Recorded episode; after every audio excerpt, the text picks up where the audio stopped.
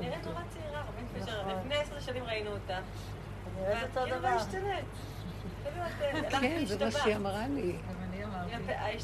למה אני אגיד לכם, הזית הזה, ככל שקודשים אותו, השמן נהיה יותר טוב. כן, אה? מה קרה לכם? הדרך הזאת פרקת לי את העצמות, את כל מה שיש, ובסוף אנחנו נכנעים. כשנכנעים אז יש אה, יותר, השם נכנס. יש נינוחות. מוותרים על המלחמה. אה, אנחנו בתרבות של, אה, אני תמיד קוראת לזה, זה עץ הדת, תרבות המלחמה. אנחנו כל הזמן נלחמים. אם רע לנו, אז טוב לנו, אם טוב לנו, גם תמיד נילחם. אדם יש לו מה שהוא רוצה, אוי ואבוי לי. אוי לי מיצרי ואוי לי מיוצרי. אף פעם לא טוב לו. זו תודעה כזאת. אז כל הדרך ששנים אנחנו עובדים עליה היא פשוט אה, לא, היא להכיר באיזה תודעה אנחנו חיים, ולעבוד עם זה, לא עם העולם. לא לשנות בעולם, כי אותו, אותו מנגנון רוכש ומתחדש כל פעם. מה שאני לא אעשה לתקן שם, הוא חוזר לי מפה. מה שלא מתקן פה, הוא חוזר לי פה. אז אלה שעובדים שנים בדרך, כל מה שקרה פה, או בזמן הקורונה גם, שפתאום היה פיצוץ כזה, כל העולם, אז זה לא היה חדש לנו, כי אנחנו עובדים על כך שבאמת אה, הדרך שאנחנו יורדים מהתודעה, אני רוצה קצת כמה נקודה לדבר ולקשר את זה למצב. אנחנו יורדים מהדמיון של האני שפועל ועושה, והוא מתחלק לחיובי ושלילי. זה נבלה וזה טרפה.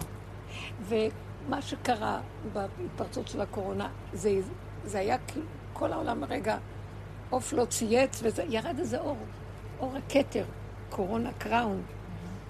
וגם עכשיו, זו הייתה פעימה, ועכשיו הפעימה הזאת, זאת הייתה עוד פעימת חסד. למרות שבעולם שאין כלים, נבהלו כולם וזה, אבל בפעימה הזאת זה היה גם אותו דבר. אותו האור של הכתר חזר וירד בדרגה יותר, אבל במידת הדין יותר. והוא פשוט ברגע אחד הראה לנו שאין כלום על מה לסמוך. שזה דמיון על מה שאנחנו סומכים ומסדרים לעצמנו את החיים פה. זה נראה אולי טוטאלי ומאוד uh, קיצוני, אבל אלה שעובדים עם זה, לא התבלבלנו. זה היה קשה, השמועות קשות, אבל מה אפשר להציע כשאנחנו יוצאים מהימין, מהשמאל, מהתודעת אה, הטוב, תודעת הרע, כי הכל זה, זה דמיון. אפשר להציע רק דבר אחד, שיש אור חדש ויש תודעה חדשה שהיא קשורה למהלך אחר לגמרי ולא קשורה למה שפה. וכל מה שקורה עכשיו זה הזעזוע להוציא אותנו מהמקום הזה. משהו חדש הולך להתגלות, ומה שקורה עכשיו זה, כל מה שקרה זה אחד מהתהליכים לשחרר אותנו מה... אבל אם אין לאדם כלים, זה לא קל. פשוט, צריך הכנה, צריך כלים. להפך, אני מרגישה שכל הכלים שהיו לי, כאילו נעלמו. כל החוסנים בראש, מה שאני... פתאום אתה נשאר כמו תינוק, בלי כלום. בלי שום יכולת אה, עמידה. זאת אומרת, זה תהליך טוב, אבל זה, זה תהליך מבהיל. אני זוכרת שבאתי אליכם פעם מזמן מזמן, אני אז... אז אני זוכרת שהתחלתי לדבר, זה היה נראה לכם משונה, הרבה מכם. מעט, מעט מאוד, זה כאילו נראה מה, מה. כי יש לנו כן על מה לסמוך, יש לנו טוב, אנחנו טובים, אנחנו חיוביים, אנחנו פועלים, אנחנו יוצרים, אנחנו דתיים, מקיימים מצוות. ברור שיש. עץ הדעת טוב ורע, הדתיים מול החילונים, בואו נגיד.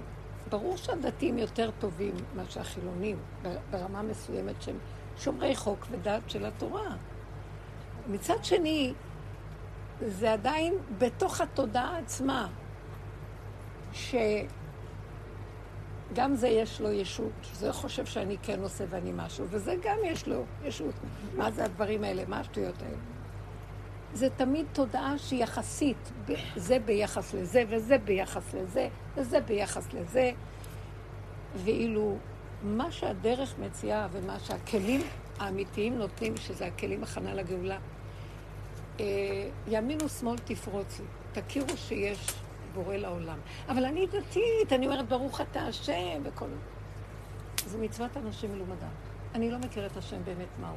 השם הוא לא טוב, הוא חיובי. הטוב השלילי הוא זה לעומת זה, הוא יחסי, טוב ביחס לזה, שלילי ביחס לזה. ואילו השם הוא טוב מוחלט, אמיתי, שלא ממה שאנחנו מוכר לנו טוב. שהיום אנחנו יכולים להגיד, ברוך דיין האמת על אחד שנפטר. וברוך הטוב והמיטיב על משהו טוב, ולעתיד לבוא נגיד על הכל הטוב והמיטיב, אתם מכירים את זה. שלעתיד לבוא הכל ייראה כדבר הכי מושלם. מה שעכשיו קרה, זה יהיה הדבר הכי מושלם שנראה שקרה. אפשר להכיל את הדבר הזה בשכל הרגיל? לא. לא. כי זה, בכל אופן, אנחנו גרים בשכונה הזאת, שנקראת תודעת העולם, וזה רע מאוד מה שקרה.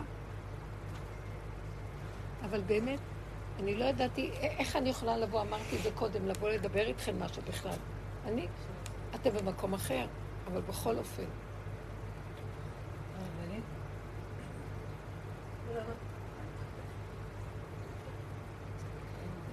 אני רוצה רק, כן, אני רוצה רק לנגוע בנקודה שתדעו לכם שאור חדש יורד לעולם. הוא כל הזמן יורד. מי שמכין כלים, זה לא חדש לו, כי טיפין, טיפין, טיפין הוא מכיר את המציאות.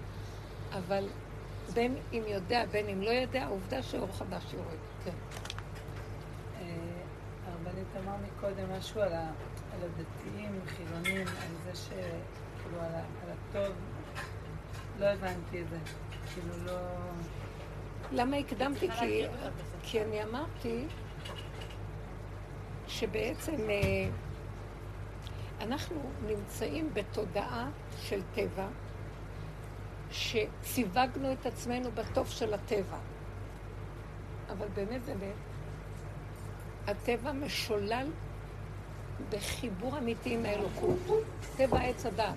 ברגע שמאכלו מעץ הדת, נסגר להם האור האלוקי שהיה בגן, האור הגנוז, החיבור הישיר לשכינה. וזה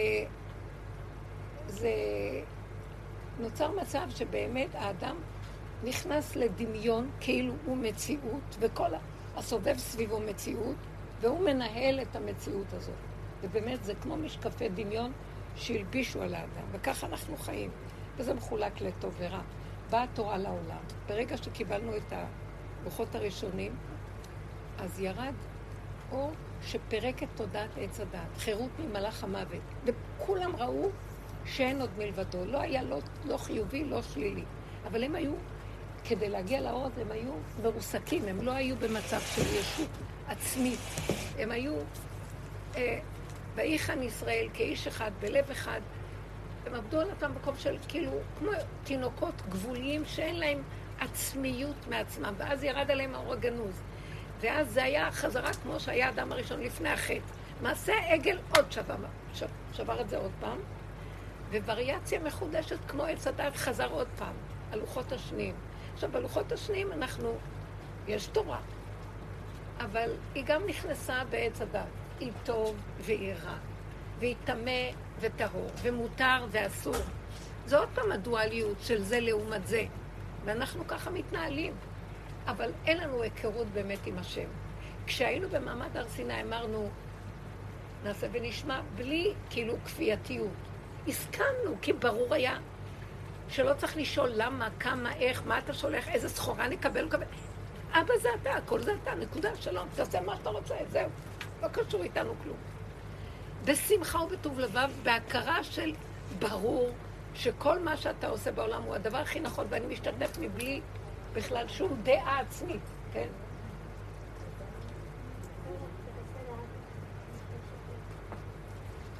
והדבר הזה נשבר לנו, ואנחנו כל ימות עולם, זה נקרא גלות. הגלות לא התחילה שיצאנו מארץ ישראל בחורבן הבית הראשון והשני. הגלות מרגע שנשברו הלוחות. מרגע שהאדם הראשון אכל מעץ הדת, זה היסוד של הגלות. אה, התכסתה השכינה. עכשיו, אני לא רוצה להיכנס לזה. אני רוצה רק לקחת איזה יסוד מזה ולהגיד, כל פעם מחדש, תקשיבו, כל פעם שיש זעזוע, זה גילוי השם. אבל בעץ הדת זה נראה נורא, כי אין לנו יכולת הכלה מה זה השם. אם אין הכנה, כמו שהיה במעמד הר סיני, שהם הגיעו למצב של גבוליות וביטול כמו תינוק, בהמות הייתי עמך. לא יודע מעצמו, אין לו דעה עצמית, אין לו הבנה, ובהסכמה הם עברו תהליך של בירור ולגמרי ביטול. במקום הזה האור האלוקי יכול היה לשרות עליהם והיה ברור להם שזה הכל אלוקות. וכאשר אין את ההכנה הזאת, זעזוע שהעולם עובר, אז אני אגיד לכם, זאת הנוסחה. כל זעזוע שהעולם עובר, זה סימן של גילוי האור האלוקי. הוא מזעזע את אושיות הטבע. הוא גורם שהטוב והרע מתבלבלים. כי הטוב והרע יסודם בסדר, בדמיון שיש סדר, שיש לי אחיזה, שיש לי מעמד, שיש ימין ושיש שמאל, ושיש ספריית ערכים והדברים אה, בשליטה. זה דמיון. אין לנו שום שליטה והדברים לא מסודרים אף פעם. זה רק במוח אנחנו מסדרים אותם. באמת לאמיתה, רגע אחד שבא איזה ניסיון, אם זה ניסיון קטן לאדם ואם זה ניסיון גדול לאומה, אנחנו מתפרקים. ואנחנו אומרים, מה קרה? לא קרה כלום. אנחנו פשוט לא במקום הנכון כל הזמן. הבנתם מה אני מדברת? ואין לנו כלים להכיל את זה. אנחנו אומרים גאולה, גאולה, גאולה. לו היינו יודעים מה זה גאולה, היינו מפחדים לבקש גאולה. כי זה אומר, זה אומר לזעזע את כל תפיסת החיים שלנו. מה שקרה עכשיו, אני, אני לא רוצה להתפלסף, אני רוצה להגיע למקום, אין לנו הרבה זמן, הוא רוצה לסגור. לא, לא, אנחנו לא ניתן לו. אומרת, שכן, ככה זה כל הזמן. לא, יש לך כל הזמן, כל הערב. בסדר, אני אדבר איתה. לא יודעת, תשבי, תשבי, הכל בסדר, אל תפסידי, שבי. הכל יסתדר. תראי שהכל יסתדר. מה הבעיה? אנחנו תראי שהכל יסתדר. את יודעת איך הכל יסתדר? אני עכשיו יושבת מהמוח של העבודה ואומרת, מי הוא בכלל? מי אני בכלל? לא שם מי הוא ואני כן. מה זה זמן? היא אמרה, יש לך את כל הזמן. ולרגע אחד אני אומרת, אין מציאות של זמן בכלל.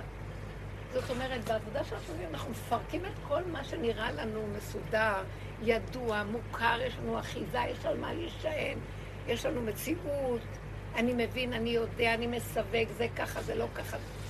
במציאות האמיתית זה בכלל לא ככה. והאמת היא נקודה אחת של רגע הווייתי של נשימה שמתחלף כל רגע ומתחדש מחדש. ברגע אני משתהה עליו, שזאת התוכנית של העולם, הוא נהיה ברגע אחד כמו המחלה, לא עלינו. הוא נהיה עשר תאים, מאה תאים, מיליון תאים, ומתרבה, ואני לא יודע מאיפה, איפה הייתה נקודת המוצא, מאיפה התחלתי, מה היה, מה קרה, ומרגע לרגע כשאני נותן לזה ממשות, נהיה כדור של שלג שמתגלגל, של מציאות שאנחנו יוצרים אותה, והיא מתקבעת כמציאות. ואחר כך, אם קורה משהו, מה קרה? מה מה קרה? אה, השם ריחם עלינו, והוא עוצר את הכדור, הוא אומר, אתם תתדרדרו למבוי סטוי ותהום, תהומות רבה. אז אני עוצר לכם. אבל זה כמו אדם שישן מאוד מאוד טוב וחולם, ופתאום שופכים עליו דלי מים. למה אתה... מה קרה? כי אין לי דרך להעיר אתכם. סליחה שאני אומרת, הוא קורא לנו. מה אתם חושבים? שמה שקרה זה גילוי השם ממש, זה גילוי השם. רק אנחנו לא רוצים שיהיה במידת הדין, רק במידת הרחמים. מידת הרחמים מתגלה כאשר האדם מכין את עצמו עוד קודם ונכנע ומבין שהוא לא מוביל והוא לא מציאות ואין לו על מה להישען חוץ מעל מנקודת האמת והשם יתברך. עכשיו זה לא רוחני, כי זה נשמע אין לנו אלא לשאת את עינינו לאבינו שבשמיים. ובאמת, באמת, זה היה בגלות, ככה מדברים. באמת, אבינו שבשמיים כבר מזמן בארץ. הוא יושב פה ומבשרי אחזה אלוקה. זה כבר לא בשמיים בכלל, נסגרו השמיים, היו שמך ברזל. האמת היא כאן, הרגע.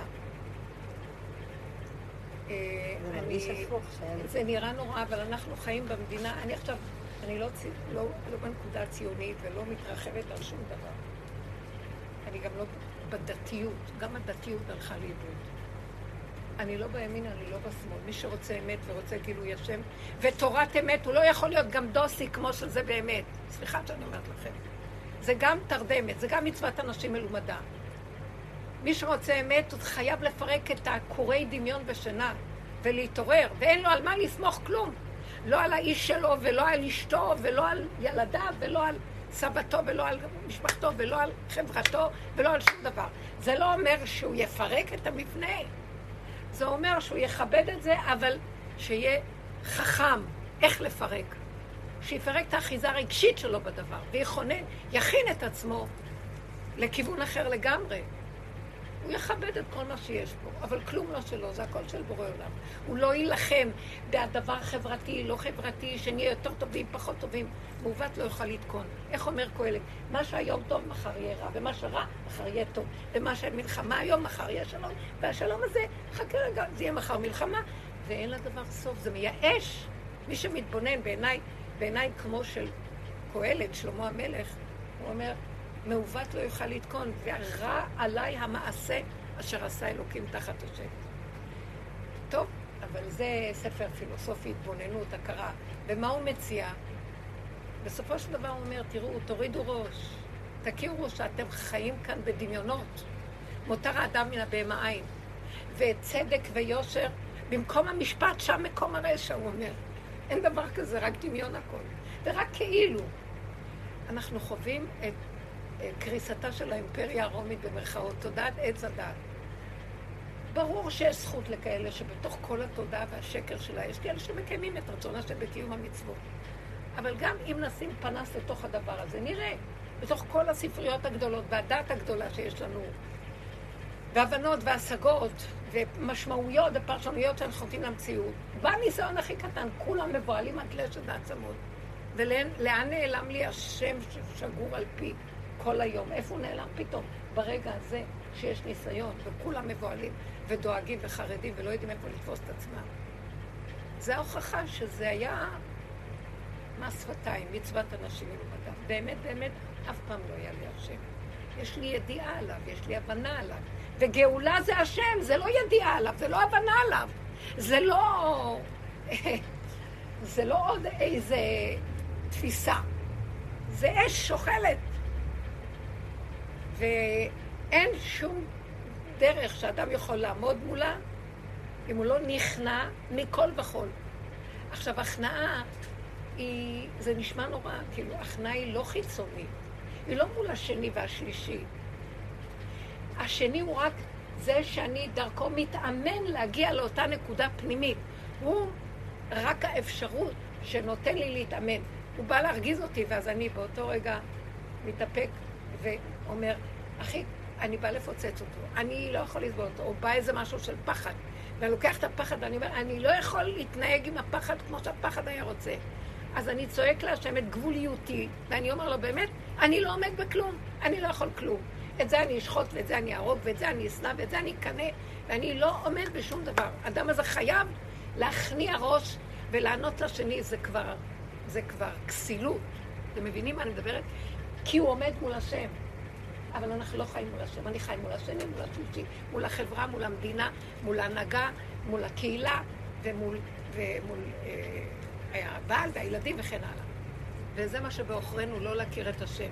אבל השם נותן לנו זיווגים, והוא רצה שנלד ילדים, והוא רצה שנהיה בחברה. הוא רצה שנשתמש בזה כאמצעי וסיבה להגיע לנקודה הפנימית, להיות מחובר איתו, אבל לא שנמכור את נפשנו לזה. ולא שמה נשאיר את הקלפים ואת כל הכוח שלנו. ואנחנו הלכנו לאיבוד. באים ניסיונות, אנחנו בזעזועים. והזעזוע האחרון מוכיח דבר מאוד מאוד גדול. אין לנו על מה להישען. אני לא באה לבקר ולשפוט ולדון שום דבר, כי זה לא המטרה. את מי תדוני? זה גניבה, זה נבלה וזה טרפה. אני אדון את החילונים? לא. אני אדון את הדתיים? לא. אני אדון את הממשלה? לא. אני אדון את הימנים? לא. אני אדון את השמאלים? לא. לא זו המטרה בכלל. הם רק סיבה להראות לי כסילה. ועל מה את נשאלת בכלל? ועכשיו זה התגלה במלואו. ועכשיו תגידו, כולנו מזועזעים שגילינו שאין לנו על מה להישען, כמו שאני מבינה מהסיפורים שהיו באותו יום ואחריו וכמה ימים. זה לא יאומן, זה לא כל המדינה. ושימו לב איך שעץ הדת, השקר מתכסה עוד פעם והדמיון. לא, הכל בסדר, אנחנו בשליטה ואנחנו מראים שהכל בסדר. באמת, באמת, הזעזוע הזה, הוא לא היה צריך להיות זעזוע, כי אם כל הזמן אדם רואה, אין לי על מה לסמוך. הילד, אחרי שנתתי לו את מציאותי, מתחצף אליי כאילו, או לא מחשיב אותי בכלום וזה שובר אותי. למה את נשברת? כי זה טבעו של האדם. ואת צריכה רק להגיד לבורא עולם, אני עושה את שלי, ריבונו של המשאר שלך. אני לא אקטוש את חיי בשביל הילד, זה כסילות שאין כדוגמתה. אני עושה את שלי, וכשאני נתקעת, במינימום, זה, זה תרגילים שבמינימום שאני, מת, שאני מתפעלת מדי או נותנת יותר מהאנרגיה שאני באמת, אני חושבת שאני יכולה ואני גדולה ואני המחנכת. אז השם אומר לי, עזבתי אותך, כי את חושבת שאת יכולה. כל הניסיון בא להראות לך שאת לא יכולה. אז את לא צריכה לעזוב את הילד, את צריכה פשוט לפנות אליי. ואני שולח סיבות, ויש לך עזרה מכיוון אחר לגמרי. ומתחולל משהו אחר לגמרי. האמא נשארת ברגיעות, והיא עוזבת רגע את הילד מהריצה אחריו והצעקה, זה דוגמה. ואז הילד נבהל, כי בטבעו חושב שהיא תרדוף אחריו, ואז הוא ימשיך להתחצף ולא אכפת לו כלום. וכשהוא רואה שעזבו אותו, אז הוא נבהל. אם היינו עוזבים את המערכות, גם אותו דבר אישה רודפת אחרי בעלה ודורשת ומצפה ומתווכחת, עזבי, תחזרי אחורה, תשאירי את השטח פתוח, זה לא שלך בכלל. אבל זה לא פייר, מצדיקים, המוח מצדיק, כי המוח, האדם הראשון, ברגע שהוא חמץ הדת, הוא כיסה את עצמו, הצדיק את מציאותו והאשים את חווה. וזה התסמונת והפסיכולוגיה פה. אבל כל זה קרה רק כשתגיד להשם לא יכולתי. לא יכולתי. ברגע שאכלתי, אני בסכנה, שזה מה שאני אעשה. אני אצעק על זה, ואני, אבל אני אבקש ממך שתתעורר אותי. אין לנו מה להתלונן על מה שקרה. אין לנו. יש לנו רק לראות איזה כסילים אנחנו בכלל. ושנתעורר, נתחיל להבין שעל מי נשים את המשענת שלנו. ובאיזה כלים צריך לקבל כלים איך לעבוד עם זה. באמת אין לנו על מה להישאר. אין לי שום טענה על כלום, כי ברור שזה יקרה. ברור שאין על מה לסמוך, ברור שאין לי. זה, רואים את זה כבר מזמן. אפילו, אפילו ברמה של התורנית, אנשים שהם תלמידי חכמים, והם יודעים את התורה והכול. בזמן הקורונה, אני לא באה לדבר על אף אחד, אבל רק לתת תמונה. בזמן הקורונה היינו בתדהמה. לא היה חזון להגיד לנו, תשמעו, יש איזה... גם הרבנים שלחו לרופאים, וגם הרבנים שלחו לפסיכולוגים וכל מיני דברים. כלום. כולם שתקו. אז אני לא באה בטענה, כי יש להם תפקיד ללמוד ולדעת ולתת לנו את ההלכה ולפסוק לנו פסוקים ולתת... אבל גם יש איזה גבול שהשם מראה לנו. הכל אני נתתי לכם עד לגבול מסוים. חוץ מזה, איפה אני בתמונה באמת? אני נתתי לכם ילדים, לא כדי שהם יהיו שלכם, הם שלי. למה אתם לא שלי? ואז הילדים שלי, הכל שלי. אתם רק בתפקיד, ואני מוליך את התפקיד שלכם. למה עזבתם אותי ואתם רצים? אותו דבר, סידרתי לכם פה מדינה, אבל עזבתם אותי. בואו נגיד, אני אבוא בטענות לאנשים שהם לא שומרי חוק תורה. אלה ששומרי חוק תורה והולכים אחרי הממסד וחושבים שזה... אני לא באה להאשים, ואנחנו באמת בגלות, אבל היה מתבקש מאלה שנכנסים פנימה ליצור מצב של צעקה תמידית להשם. יש לך את הגאולה שלך, ולא לחכות עד שיהיה איזה סערה נוראית. אבל מתבקש מאיתנו משהו. עכשיו, לאור מה שקרה. איך אתם, אולי אני אעצור רק אתן לכם לדבר. אתם באכזבה, אתם בכאב, אתם בצער, גלות. זה, זה... תקשיבו, אני רק באה, מראה, בואו נסתכל על עצמנו. איבדנו, איבדנו את הערך העצמי שלנו כאדם וכאדם יהודי וכבן של השם. בנים אתם להשם, ממלכת כהנים וגוי קדוש. ואני מסתכלת ואומרת, אה, ממי אני יכולה ללמוד? אין לנו ביטחון, אין, אנחנו נשמעים, אני לא באה להגיד, אני לא באה לבקר, אני רק אומרת. ראיתם דרוזי שעזב את הבית שלו? ראיתם איזה, לא יודעת מה, בדואי שעזב את המעל, והם גם יושבים מתחת לאש משהו. למה אנחנו כאלה? כן. לא יודעת, היא אמרה לי באמת שאצלכם זה הפך להיות מחנה צבאי. אני מדברת כללית בכלל. הוא רוצה להביא אותנו, השם יתברך, למקום שנדע שאין לנו על מה לסמוך כלום, הוא רוצה, איך עושים את זה? הוא רוצה שנחיה צמצום אחר צמצום אחר צמצום אחר צמצום. בנשימה שלי איתו. בנשימה שלי איתו.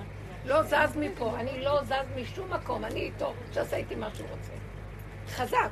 אני שמה, מבוהל עד לשת העצמות, המחשבות גורמות, גומרות עליי, והסערה הרגשית רודפת אחרי המחשבה שמצדיקה למה שהיא תהיה סוערת, ואז הגוף רץ כמו איזה עכבר מסומם מתפקודיות, וכולנו גלינו מארצנו והתרחקנו מעל אדמתנו. מה? אבל אנחנו אשמים, אבל אשמים אנחנו. עכשיו, אני לא באה להאשים, אני רק באה שבואו נראה את התמונה. מה נעשה? מה נעשה? אני אומרת, זה לא מתחיל מהרגע, זה מתחיל מצמצום פנימי, וכל רגע זה מרגיז אותי, זה אומר לי, זה בתוך המציאות שלי, בתוך זה, אני נכנס פנימה, מצמצם, ולא נותן לזה לא לצאת החוצה ולהיות. מצבים רפואיים, מצבים uh, של שלום בית, מצבים עם ילדים וחינוך, מצבים מדיניים, מצבים, מצבים. לא להתבלבל משום דבר. אנחנו מתבלבלים. אנחנו מתבלבלים ממה שקורה. אנחנו מאמינים. אין להאמין פה, התודעה פה אי אפשר להאמין עליה. סליחה, אי אפשר. בסוף זה ייראה ברור כשמש, שאין על מה לסמוך, אין על מה להאמין. אי אפשר לסמוך על ההיגיון, אי אפשר לסמוך אה, על הטבע. כי הטבע גם מתלכלך, והטבע, כשהוא נקי, הוא שכינה. אבל הוא התלכלך מדעתנות והרבה תפיסות חיים ואידיאולוגיות ושיטות. הוא רוצה שנעשה ניקיון. האור החדש שיורד, מחפש איפה לרדת. אה, כלי פשוט, ריק, שיודע, לא מייאוש, אני בוחר לצאת מכל הסיפור, תעצור את הגלגל, כי זה משוגע. משוגע שאני אשים את מוחי על הדבר. תחזיק אותי, אני שייכת לך. צמצום של אורחות החיים. לא להצטרך בחומר לכל כך הרבה, לא להצטרך ברוחניות גם. הרוחניות היא גם דמיון אחד גדול של עפים על השמיים. מה, אני מלאך? אני באתי להיות מדרגת אדם פה בעולם, ואני כלי של השם, שהתהווה שתהיה לו דירה בתחתונים. אז הוא בא ואומר, מדוע באתי ואין איש? הוא רוצה שנגיע למדרגה של צמצום כזה שבסוף יישאר למעני למעני אעשה. שאני מצטמצמת פנימה ולא מתבלבלת משום דבר, גם הילדים יבואו לקראתי, גם הבעל ירדוף אחריי, גם יש לו שיר, אני לא רוצה שירדוף אחרי אף אחד, אבל אני לא צריכה לרדוף אחרי אף אחד. אני לא צריכה לתלות את מבטחי בשום דבר. אני לא צריכה להתוודע לרשות, אני לא צריכה להיות שייך... תשמעו, אני מדברת על דברים מקסימליים של התנערות לקראת אור חדש שמגיע. ברגע שהאור הזה יורד ואין לו כלים, זה נראה חורבן. ככה הוא עושה, זה כמו סדום ועמורה. כתוב היה, ואחד המפרשים, השם משמואל, הוא אומר ששלושה מלאכים באו לאברהם, אחד, כל אחד בשליחות אחרת, ובסוף כולם הלכו, אחד להרחיב את סדום, אחד אה, לבשר לשרה, אחד אה, לרפא את אברהם. שלושתם גמרו, הלכו ביחד עם, והלכו לסדום, והשקיפו המלאכים על סדום.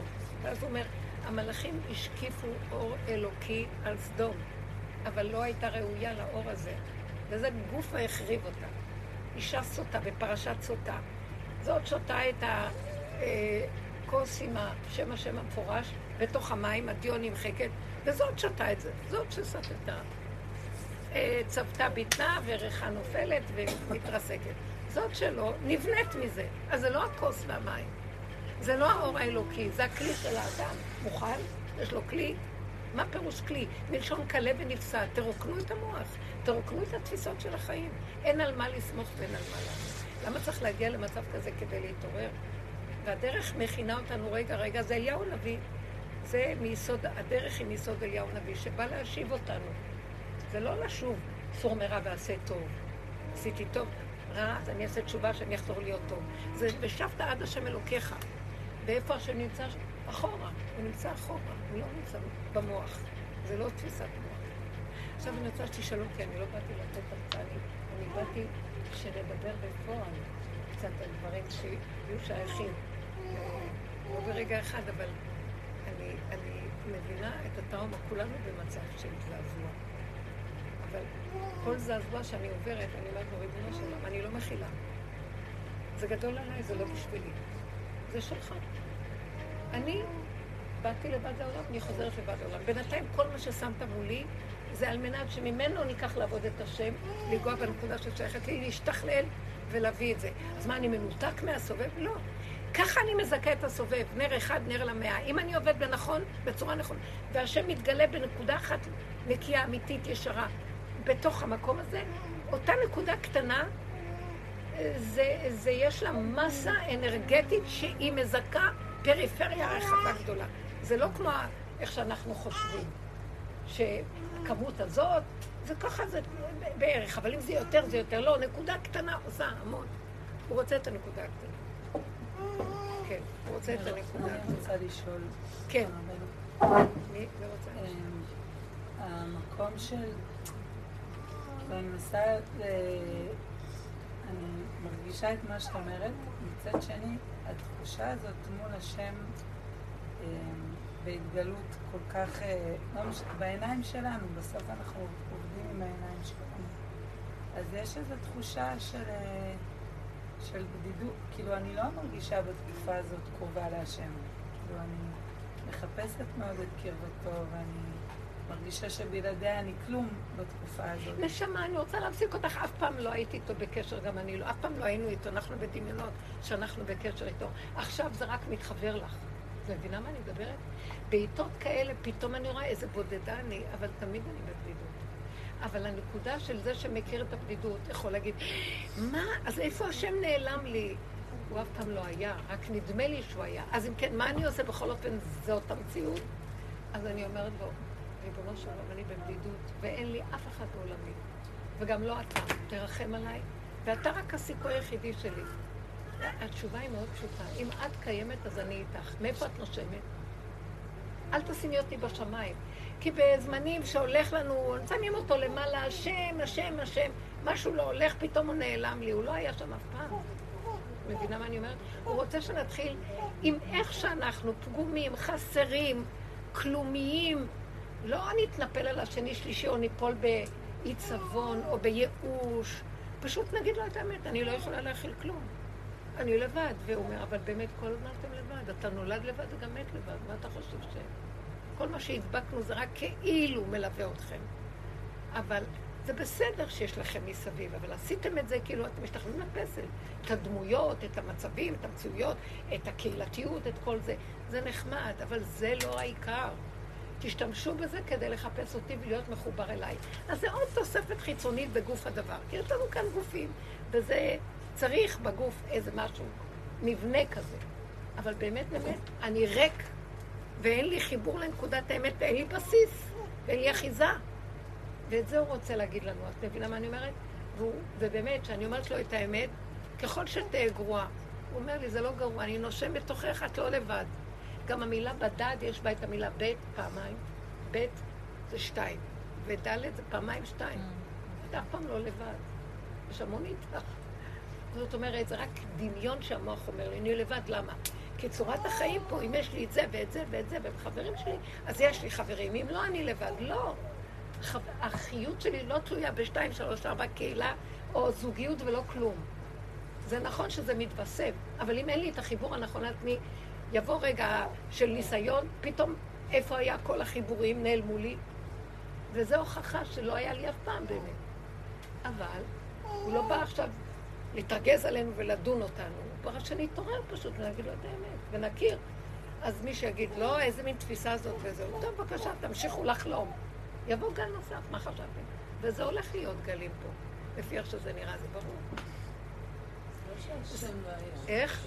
זה לא שהשם לא היה, זה שאנחנו לא היינו איתו. השם תמיד נמצא. אבל למה זה במידת הדין כזאת? כי אנחנו לא איתו. זה כמו איש, תקשיבו, להבדיל אלפי הבדלות, שחוזר הביתה ורואה את הילדים עושים דברים נוראים, מרגיזים, שוברים וזה. עכשיו, מה? הוא מתחיל לתפוס את ההוא, לתלוש את האוזן, זה לתת לו מכה, זה לצעוק. פתאום באה אימא ואומרת, עזוב, עזוב, הם היו ילדים נהדרים, הם סתם מסתובבים, סתם.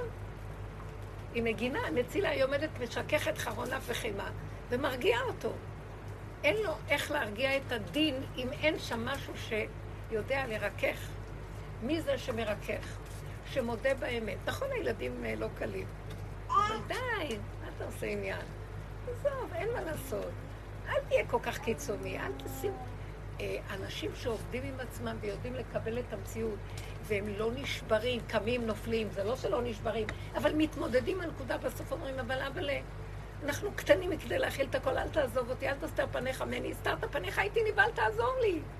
זה מה שהוא רוצה לשמוע מאיתנו, זה כבר נותן לו מעמד של גילוי, ואם לא, כוחי בעוצם ידי, אני לא צריך, אני מסתדר, אני לא זה, יש לי השם, אמרתי 500 תהילים ו-800 שיר השירים, מה, מה, מה זה עוזר? זה, זה כדי לשכנע את עצמי שאני מסודר ולעשות וי.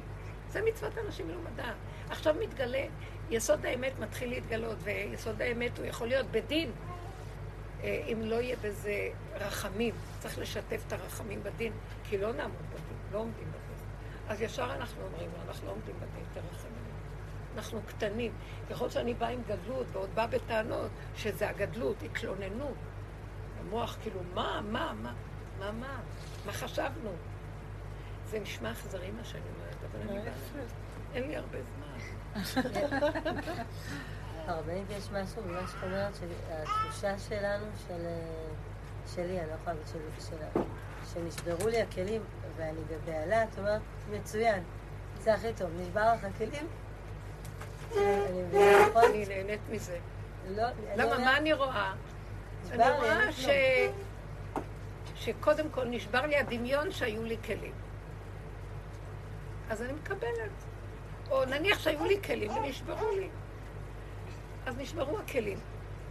מה עכשיו? אני עכשיו צריך אה, לבכות ולהצטער. לא, חבל לי על הזמן.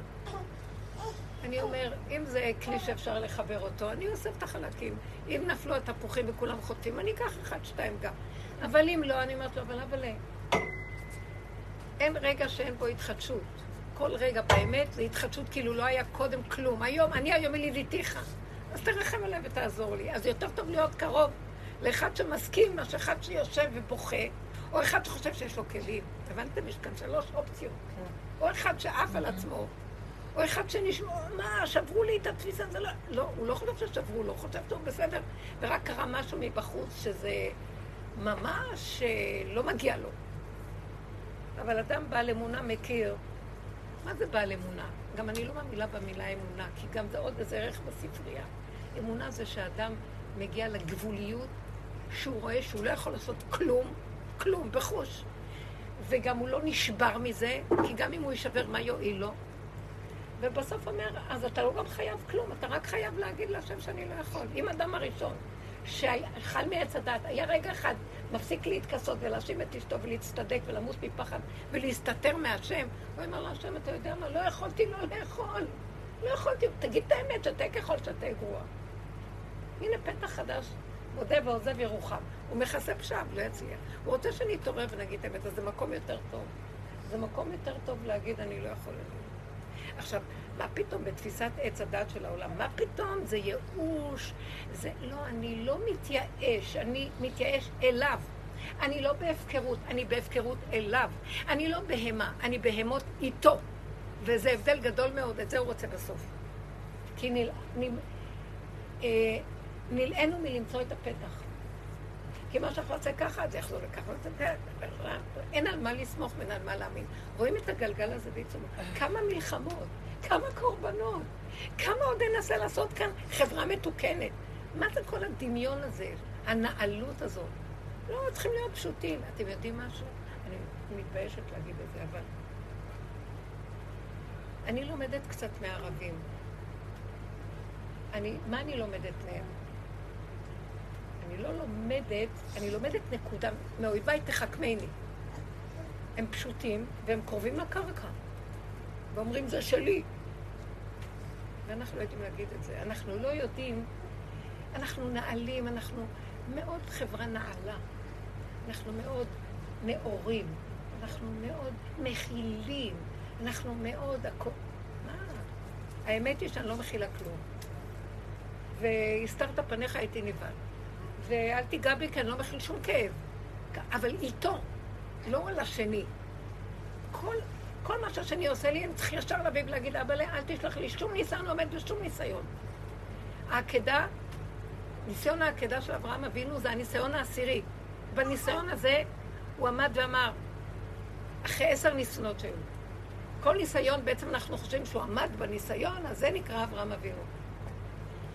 רב אושר היה אומר שאברהם אבינו, כל ניסיון שהביאו לו, הוא רק עבד על מדרגה איך להתבטא להשם שהוא לא עומד בכלום. אז הניסיון הראשון, הוא התבטל ככה, כי היה לו הרבה יכולות, כביכול, היה אדם חשוב. נשיא אלוקים אתה בקרבנו, והיה אדם בר דעת, והיה חכם, ועובד השם גדול, ומזכה ערבים גדול. היה לו כוח, וכל ניסיון הביא אותו למקום של לראות את העליבות שלו כמה שהוא לא עומד בכלום. שהוא שם את שרה, קודם כל הביאו עד שהוא הגיע לארץ ישראל, שזה, השם מבטיח לו בפרין בין הבתרים, שזה המקום הקדוש ביותר. ואחר כך ברעב הוא יורד, בורח למצרים, שם את שרה בתיבה. מה, אתה לא מאמין שהשם יציל אותה? מה אתה מסתיר אותה מפרעה? הוא כל הזמן ראה את העליבות שלו, כמה הוא מפחד, כמה הוא לא יכול, כמה... אה, זה לא אומר שהוא ירד על עצמו. את זה הוא לקח ואמר, אבל את כל זה אתה עושה לא כדי שאני אתגבר ואהיה יכול, שאני אגיד לך שאני לא יכול. דוד המלך אמר את זה בשיא, הסתרת פניך הייתי לבד. לא יכול. אנחנו קטנים מלהיות יכולים. רק הדמיון של עץ הדת של הישות, זה מה שמתיש אותנו ומלאה אותנו כל הזמן להחזיק את הפאזה שאנחנו יכולים. והמדינה עכשיו מראה לנו את הכל. כאילו, אנחנו הכל יכולים כל הזמן, ופתאום נפערה התהום, ולא יכולים כלום. ולרגע אחד, עוד פעם הקליפה חזרה. לא, אנחנו בסדר, אל תדאגו, אנחנו שולטים ברמה, בקליפה, אנחנו מסדרים הכול. לא עומדים בכלום.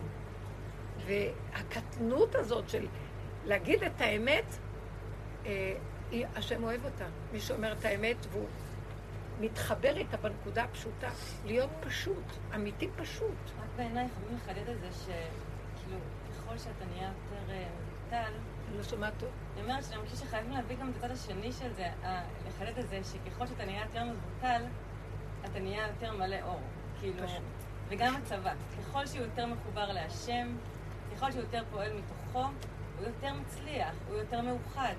חייבים להביא גם את, את מבינה? זה, הרי זה נכון, אבל חייבים להביא גם את האור הזה, כי לא רק להיות בתוך ההתבטלות, אלא גם להיות, לראות את, ה, את האור שיוצא משם, כאילו זה באמת... אז תעשי, תתני את זה, ותראי שזה יגיע, את תרגישי. אנשים שחיים ככה, יש להם שמחה, ביטחון פנימי, יש להם, אין, הפחד הוא לא כמו שאנחנו במוח, עוד לפני שקורה משהו, אני כבר מת מפחד עוד לפני שקרה משהו באמת. הוא כל כך מתרחב עליי וגדל, באמת, באמת. יש כזאת הגנה פנימית כשאדם הולך עם הנקודה הקטנה. היה לי חוויה מעניינת עם... אה, אה, לפני שבועיים, אז אה, ביקשו ממני שאני אבוא לדבר עם איזו אישה, שבעלה הוא אחד הגנרלים החשובים בכל הסיפור של האלופים של, ה... של עזה. הוא מנהל את המערכה עם עוד איזה שתיים, לא יודעת. והיא לא ראתה אותו מאותו שביעי באוקטובר, והוא בא לבקר אותה, והוא בא לשעה. עכשיו, למה קראו לי להגיד לה? מי שהייתה איתה, חברה שלה, היא אומרת לי, את, חייב, את חייבת לבוא לעזור, יש כאן מצב שלא ברור מה, מה, מה. כל מה שהיא עשתה זה רק לצעוק עליו. אבל מה היא צעקה עליו? לא ראתה אותו חודש. ורק להגיד לו, מה היא צעקה עליו? אה, אתם לא עושים נכון, ההתנהגות לא נכונה, אתם לוקחים אחריות מאוד גדולה, זה היה לפני שנכנסו לעזה, אה, יומיים או משהו כזה. זה לא מקובל, זה לא, היא לקחה את זה מאוד מאוד קשה ודיברה איתו בצורה... והזאת שעמדה לידה, שקראה לי, אמרה, והוא הסתכל והקשיב, שתק ושתק, אבל לי נראה שאולי יש לה איזו בעיה נפשית אולי. אז את יכולה לבוא קצת לעזור לי, את יכולה... ואז אמרתי, טוב, נלך, הייתה בירושלים ואני גם הגעתי לשם, שהייתה, והתגלתה מולי אישה מדהימה, יפהפייה, אה, שומרת אה, עם כיסוי ראש. אני התאהבתי בה. והיא דיברה כמה מילים, וכאילו היא שאלה אותי, מה, מה, מה, מה באת? היא לא ידעה למה מביאים אותי. אמרתי לה, כלום, אני באתי להתחזק ממך. כי לרגע היא הקרינה לי כזה מתיקות שממש התאהבתי בה. ופתאום הבנתי שמביאים אותי כדי לדבר איתה כמה דיבורים. פתחתי את הפה, היא קצת דיברה. היא דיברה על בעלה, היא דיברה על הזה. ואז כמה מילים אמרתי לה ככה. תקשיבי, זה לא אני, ממש הרגשתי שמשדרים לי ואני לא יכולה לשחזר את השיחה. אז אמרתי לה, תראי, השיפוטיות ולדון עכשיו את מה שקורה שם, זה כבר מאוחר, כי הם נכנסו, זה היה אחרי איזה שלושה ימים, הם כבר נכנסו והם בשטח. ועכשיו שהם בשטח, אנחנו צריכים להיות בתודעת שטח. את יודעת מה זה תודעת שטח? זה כמו חייל שכבר קיבל הוראה מה הוא צריך לעשות, ועכשיו הוא הולך עם ההוראה. אם הוא יהיה עם המוח שלו ויחשוב כן נכון, לא נכון, למה ככה, לא ככה, אולי עושים זה, לא עושים זה, ואם זה וזה, אז חבל. כלום, הוא צריך לקחת את המוח שלו, לשים אותו בבשרו, באדמת בשרו. הוא צריך להיות דרוך כמו חיה, ורק הפה שלו רוכש. השם תעזור לי, תהיה איתי, אל תעזור אותי. תחזק אותי, אין לי עצה, אין לי תושייה. עם כל מה שנתנו לי בתוכנית השכלית, רגע שזה בשטח, אני לא עומד בכלום, רק אתה יכול לעזור לי. תעזור לי ואל תעזוב אותי, זה מה שאתה אומר. תהיה איתי ואל תעזוב אותי. ואני מדברת איתה, ולא כוחי ולא עוצם ידי, ולא להיכנס עם אני ארדוף אויביי ואשיגם. זה לא הנהגה עכשיו. זה לא הנהגה של אני אתנקם בהם, אני אראה להם, וזה מה שמוליך אותי. כלום. כשהשם רוצה להתגלות בבן אדם, אתם תחרישון והשם יילחם לכם. אני, עם, כאילו, דיברתי ודיברתי, אני לא יודעת מה. והיא מקליטה את זה. אחרי רגע היא אומרת לי, שלחתי את זה לבעלי. ואחרי רגע היא קיבלה ממנו כמה, אחרי כמה דקות, משוב שהוא שלח את זה לחיילים. ואז היא אומרת לי, מאיפה, מאיפה את מדברת? זה מה שרציתי להגיד לו, זה מה שרציתי להגיד לו, ולא מצאתי את המילים. אמרתי לו, אמרתי לה, אני יודעת את זה מעצמי. אני חיה כאילו אני בעזה. כל הזמן, הרבה שנים. כאילו עוד רגע הולכים לזה. כל רגע אני בסכנה, מי שחי עם הנקודה הזאת, שהעולם פה בטבע גונב אותנו וגומר לנו את החיים. זה להגיד לזה משהו, זה, זה לקחת ללב את מה שזה אמר, זה הילד, זה הבעל, זה, זה השכן, זה הפרנסה, זה הקיומיות. אני אשתגע, אני לא מוכנה, נהייתי כל כך, כל כך גבולית. שחוץ של לנשום, התבוננתי בעצמי כמה אני משקרת לעצמי, כמה אני חרדה, כמה אני דואגת, כמה המוח הזה שודד אותי. והוא משכנע אותי שהשני והשלישי והעולם, ואני כל המתלוננת ובוכה ומייללת, או שאני בסיפוקים עד השמיים, או שאני בקנתי עד... זה שקר, אני רואה את השקר, אז אני כל הזמן מצמצמת ונכנסת, והחיים מגיעים לדרגה של כאילו אני נמצאת בחזית רגע, רגע, ואני בעורף. אבל מול התודעה יש שם שד, עמלק, שכל רגע, מה שאני לא אעשה, הוא תוקף אותי מכל... תוקף. ואני לא מוכנה להילחם, גם בעמלק אני כבר לא לא יכולה להילחם בו. יש שני מצבים של עמלק. עמלק שאנחנו מצווים למחות אותו, כמו פרשת כי תישא, והיה בניח לך השם מכל אויביך סביב, תמחה את זה. והשני זה השם יילחם לכם ואתם תחישון, שזה פרשת בשלח. שהשם אומר, שים זאת באוזני יהושע, כתוב בספר זיכרון, כי מלחמה להשם בעמלק. אחרי כל המלחמות שעשינו, אפילו משה רבנו, מרים את ידיו והם מחלישים את העמלק, אבל הוא חוזר שוב. אי אפשר בכלל בשום אופן. זה התודעה הזאת. והוא מטעה אותנו ומפיל אותנו וגונב אותנו, והחיים שלנו לא חיים. אין אחד שיגיד שהחיים... בתוך כל זה הם חייכים ונחמד ועושים מסיבות וזה, ותמיד יש איזו מרירות ויללה תמידית במציאות הזאת. זה נרגן יושב במוח הזה. ואז אמרתי לה, כי אני רואה את זה מעצמי, רק מי שחי בתודעת שטח, רגע, רגע, לא להאמין לשוטה הזה, וגם למסור את המציאות להשם. כי אם אני לא, מי כן? רק אתה יכול להילחם. מי יכול פה להיכנס בכלל? מי יכול לחיות במדינה הזאת עם כל המציאות שלה? בירוקרטיה החוקתית שהולכת פה, שזה שיגעון, אי אפשר לעשות כלום. מבקשים איזה בקשה, צריכים לחכות 30-40 שנה לקבל אישור. אה, המיסים גוברים על היכולות של הבני אדם להתקיים. שכר הדירות, קורת גז מינימלית, שזה קיום מוכח המציאות לבן אדם. אה, אי אפשר גם לבוא בטענות לכלום, הכל אפוף ואיזה נחש, שאי אפשר בכלל משהו מסועף ומסתלף מרוב ריבוי, אז אין לי למי לפנות. אין לי גם לבוא בטענות, כי הטענה זה כאילו יכלו להיות משהו אחר. הם לא יכלו להיות משהו אחר, כי ככה זה העץ הזה. אתה לא יכול לבוא בטענות לחמאס, כי ככה הוא. הוא יאכל. הוא, י... הוא יכה, הוא ירדוף, הוא, יש... הוא ישחוט. אז מי יציל אותי? והוא בתוכי. אמרתי לה גם כן, שאנחנו תמיד בשיעורים, אני אומרת, מה אתם מה אתם כועסים על החמאס שם, אבל יושב בתוכנו אה, חיות אכזרית גדולה מאוד, שגונבת את החיות מאיתנו, ומזה יש לה כוח להשתלט עלינו. מאיפה החמאס קיבל את הכוח שלו? מהממשלה, היא נתנה לו כוח, אנחנו נתנו לו להם כוח. חימשנו אותה בכל זה. זה אותו דבר גם בנפש. נמצא שאדם שחי בתודעת שטח, צמצום וחיבור וריכוז, אין לו מה להתלונן, אין לו על מה להיות נרגד. הוא מכיר את הגבוליות שלו, מכיר את הסכנה שלו מול הסובב, שיבוא בטענות, שיתווכח ויריב, ואין סוף לפקחנות, ואין סוף לנצחנות, ואין סוף לבן אדם לחברו, ואין סוף לטענות מול הממשלה, כלום. זה מערכת, כמו אמר קהלת, מעוות, לא יכול לתקון. אין בגרות נפשית יותר גדולה מאדם שמכיר את זה, הוא אומר, אז אם כן, אין לנו אלא לשאת את עינינו, לא רק לשאת את עינינו. יש לי רק לדבר אליך, השם, תראה לי שאתה חי וקיים ומחזיק אותי, כי אין לי כאן חיים בכלל. אם האדם לא מגיע למערכת הזאת, להכרה הזאת באמת, שמה, כמו שאת אומרת, מתגלה שמחה פנימית. יש מי שמנהל כאן את הכל, למה אני צריכה לדאוג? אני אדאג אם אני לא אעביר לו את זה, אז יש מה לדאוג. אבל למה שאני אדאג בכלל? למה שאני אטפל על מישהו וארדוף אחרי מישהו לנקום בו, או להתנצח איתו, או להתרגז עליו?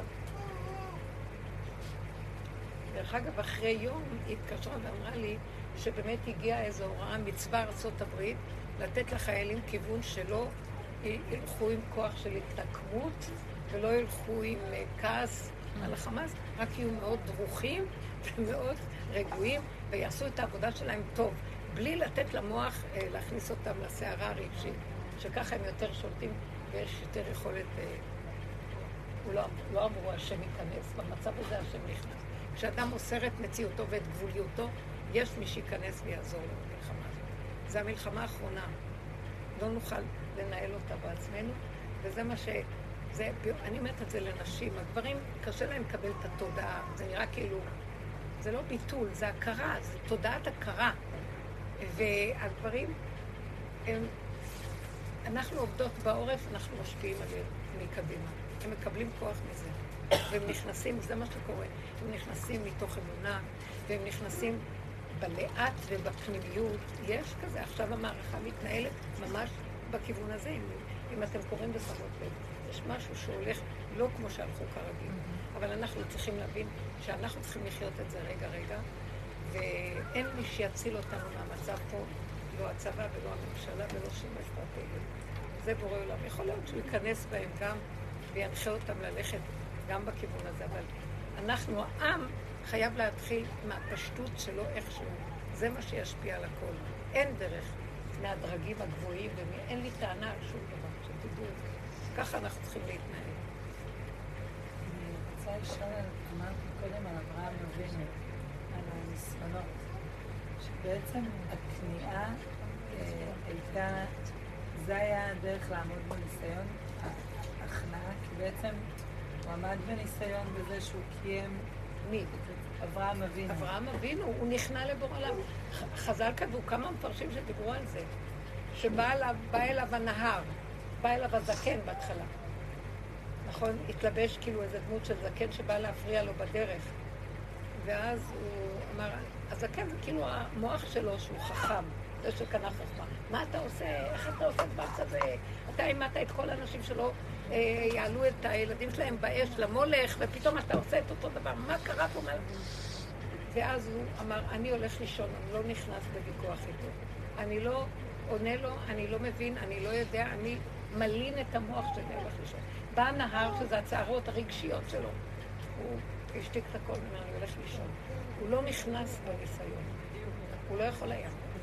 נדמה לנו שנכנסים להתגבר, אין אדם שיכול להיכנס בניסיון. אין. הרבנית? כן. קודם אמרת לי, קודם שישבנו, זה, הרבנית אמרה לי, זהו, כבר היה ירידת מים, כאילו של הגאולה. אז היה לי פתאום את הבהלה הזאת, שיש כשיש ירידת מים, שכאילו... אין דרך חזרה. אין דרך חזרה. עכשיו נצטרך לעבור את ה...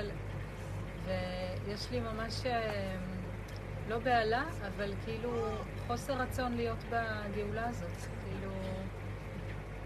באמת, אני כאילו אני רוצה את המתיקות של הקטן, כן. את דרגת היחידה, של להרגיש את אור השם, לחזור לחיים. לא רוצה את כל יום, לא רוצה להיות חלק מהגאולה זאת הזאת. הגאולה. אנחנו מדומיינים על הגאולה, מה חשבתם שזה גאולה? זה הנשימה הקטנה, רגע ושלוש, שלב לי, שקט לי. מה זה הגאולה? זה דמיון פה? אני לא עומדת בזה. מה פתאום? זה פחד פחדים. לא יישאר. תקראו מה שהנביאים מדברים. שלא יהיה. גם, זה גם יכול שלא יהיה. אבל זה לא פשוט בכלל. אז לאן נמלט? לנשימה. תינוק לא יודע, ילדים קטנים שמחים. שהיו אצלנו בירושלים, היו גם אזעקות, והיו הנכדים אצלי. זה היה פשוט מדהים. הם שמעו את האזעקות, הם התחילו לרקוד ולשיר לי שמע ישראל ופסוקים וזה, ואמרתי להם, טוב, אז בואו ניכנס לממ"ד. לא, אני לא רוצה, אני רוצה פה, אני לא רוצה פה, אני רוצה פה. ראיתי איך לא אכפת להם, איך הם לא נבהלים. נזהרתי לא להכניס בהם שום רגע של לחץ או בהלה. השם איתם, הם כל כך שמחים. זה בזכות עבד פיהם של תינוקות, אז השם... זה, זה תנו עוז לאלוקים, מפי עוללים ויונקים מסד את העוז. תנו עוז על ישראל גאוותו. אל תהיי בגדלות. זה, זה המתכון לגאולה, לא להיות בגדלות. תקשיבו, אישה יכולה להכיל בזמן הלידה את המצב הזה, אם היא תפתח את המוח היא תמות, נטרפת עליה דעתה כדי לעזור לה, שלא תהיה באותו רגע בערנות. היא לא יכולה להכיל דבר כזה. אותו דבר גם אנחנו. כן, אבל אני רוצה לשאול את זה, כי אני חושבת שנגיד בקורונה היה דיבור מאוד מאוד חזק בקורונה על ה... אז ישבנו, אני זוכרת בערב פסח, ודיברו על הגאולה, והיה הרגישה אז באמת שהעולם הולך לקראת זה. ואני זוכרת את התחושה הזאת של ההבנה שעכשיו, נגיד הדיבור שלך לא, לא מדבר אליי, כאילו, בעניין של הגאולה, לא בגלל שאני לא מאמינה בגאולה. כן. בגלל שאני מרגישה שאנחנו לא יודעים כמה זמן זה ייקח, ולא יודעים מה המדרגות שאנחנו נצטרך להיות בהן כדי להיות מוכנים לגאולה. זאת אומרת, הגאולה יכולה להגיע בכל רגע נתון, השאלה אם אנחנו, אני אישית לא מרגישה במדרגה אליה, גם אם היא תגיע אליי, גם אם, גם אם עכשיו אנחנו באיזה, כאילו, יש איזה מקום שאנחנו בתוך איזה תהליך, אבל האשליה הזאת, כאילו, אני אומרת, של לדבר על ירידת מים, כשיכול להיות שזה ייקח עוד לא יודעת כמה שנים. אותי זה כאילו קצת, אני רוצה פה ענווה, ואני רוצה להגיד כאילו, וואי, אני לא יודעת מתי תהיה הגאולה. אז בואי תראי, למה אמרתי זה תהליך של ירידת מים? כדי לזרז את ההכרה שאם אני לא סוגר את המוח, זה לא זמן לפתוח אותו ולהמשיך. עולם כמנהגו נוהג. כן. לזה התכוונתי. כי באמת, חס וחלילה, מי אני שאבוא אגיד משהו? רק כשאני רואה, אמרתי לכם, אם מישהו עכשיו יבוא ויעליב, אז הרעיון הוא שאני אקח את זה כדי, ממנו ניקח לעבוד את השם. מהדיבור הזה, בוא ניקח, מה נשאר פה עכשיו? להתכנס, להתרכז, להיכנס לתודעת שטח, לחיות בתודעת שטח. רגע, רגע, לא להתלונן ולא להתבלבל, ולא לתלות את זה בזה ולמה זה, ולא לפתוח את המוח, להיכנס בייאוש ולהיכנס, מה החיים שלי? לא החיים שלי, נגמרו לי החיים, התחילו לי החיים, אין לי חיים בכלל, יש רגע ויש רגע ויש רגע. אם אנחנו לא נשנס מותניים לנקודה הזאת, זה זמן ההכנה, כי באמת אף אחד לא יודע, כמו שזה פתאום פרץ, לא יודעים. יכול להיות שזה ייקח עוד, גם אני לא אכפת לי כמה ייקח. אתם יודעים למה לא אכפת לי? אני לא רוצה להיות מעורבת בזה, אני לא יכולה להכיל את זה. אני יכולה להכיל רק רגע, ואני רוצה שכבר עכשיו יהיה לי רגע טוב. למה אני צריכה להכיל את זה? לא מכילה.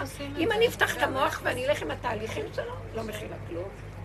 זה תודה כולי עלמא שהיא שווה לי עכשיו. תבינו מה אני מדברת. אז איך עושים את הרגע הטוב הזה? איך אני חי עם הרגע? זה איך עושים את הרגע הטוב?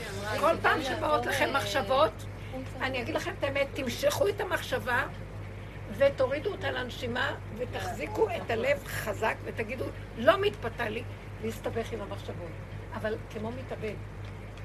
זהו. כמו שאסתר אמרה. באמת, כי אם לא, יכניס אותנו לסערה גדולה. כאילו, השם אין לי שליטה אף פעם. באמת, תעזור לי. אל תיתן למוח לגנוב אותי בייאוש שלו, כי הוא לוקח אחד ועוד אחד ועוד אחד, ועושה לי סיפור ומסכת וספר וספרייה. ולא היה ולא נברא. ברגע אנחנו מתחדשים, הוא מלך זקן וכסיל. אה, יש קונה עולמו ברגע, וזהו, תתחדשי. ואין שום דבר. תצחקי ותשמחי. את לא מבינה, השם ככה יעמוד לידך. את מגלה אותו, כי הוא רגע רגע. המילה רגע נגזרת מהמילה רגיעות. תהיו רגועים. אל תיתנו למוח לשגע אתכם, שקר. ותחזרי אותה ותעשו פעולות. תבשלי קצת, ותעשי, ותלכי, ותבואי. ורגע הוא בא עוד פעם, אני נלחמת איתו, אני רבה איתו. הרבה פעמים אני אומרת לו, כבר שמעתי אותך, לך לישון. ארצה, כל מיני מילים כאלה. כן. שרב אושר אמר, רגע אחד אריה יכול לאכול אותי, נחש יכול להגיד... הוא היה חי את הסכנה שלו מאוד. הוא היה אומר, הוא היה אומר, אני יושב בכיסא, ואני במדבר שממה. ועוד רגע יבוא איזה אריה ויאכל אותי, וזה הקרב לעקוץ אותי ונחש... ש... ש... ואני לא יודע מה לעשות. ואז אמרו לו, אבל אתה לא בשום מדבר, אתה יושב בחדר עם כיסא, אומר, רגע, אתה יודע מה, ההוא שבא לקראתי הוא נחש, הוא הולך להרוג אותי, וזה יטרוף אותי, אני מכיר אותו עם הטבע שלו, זה אריה. ואני חי את הסכנה שלי, אני אגיד לו מילה, הוא יישבר. ההוא יגיד לי, אני זה. אני חי את הסכנה וצועק, אבאלה, אם הסתרת פניך הייתי נבהל, אל תעזוב אותי. ככה צריכים לחיות עם השם, אתם מבינים? ואנחנו הולכים כאן בטוח, העולם שלי בכיס הקטן, אני שולט בכל. ברגע אחד יראו לנו, זה היה מזעזע. אין שליטה, וזה נראה, זה נראה מדינה ריבונית, וצבא ומה לא. זה השם צוחק על כולנו, אתם לא מבינים? הוא יראה לנו כלום, הוא מראה לנו גם על הילדים, אין לך שליטה, ברגע שאין לך שליטה על הילדים. אף פעם לא היה, זה רק נדמה. כאילו, אנחנו חיים בספריית הכאילו. אז היינו כל כך רחוקים שהייתה צריכה להיות כזאת מכה. איך, איך? אז היינו כל כך רחוקים בתודעה שהייתה צריכה להיות כזאת מכה. אנחנו כל כך רחוקים, את אפילו לא יודעת. עכשיו, הסיכוי היחידי שלנו פה, זה רק להודות שאנחנו כל כך רחוקים ולא להישבר ולהוריד ראש. במקום זה, בוא נלך לסדר שנהיה יכולים. הבנתם? לא, לא, חבל על הזמן, זה כבר סוף הדרך. זה כאילו, הראש כבר יוצא החוצה, מה אתה עכשיו להכניס אותו ולהגיד אני יכולה שהכל בסדר? שום דבר. ועכשיו בסוף, בסוף רק מודים באמת, ואומרים, אבל רק אתה, אנחנו לא יכולים. ורגע, רגע, מה זאת אומרת, אבל אני צריך לעשות דברים? זה לא קשור לעשייה. תעשי את, את העשייה שלך עם הגדר הזה. אתם מבינים מה אני מתכוונת? תכניסי את הגדר. כן, הגדר של רק אתה. עכשיו, איך אני, אני כשהולך לי, הולך לי. כשלא הולך לי, אני מתחילה איתו. אם הולך לו, אני אומרת לו, תודה רבה, אבל ושלא תזוח עליי דעתי. זה תמיד שלך. אבל כשלא הולך, אני עוד יותר עוצרת מהר. זאת אומרת, זה שלך. אני לא יכולה. בהתנגדות תתעוררו.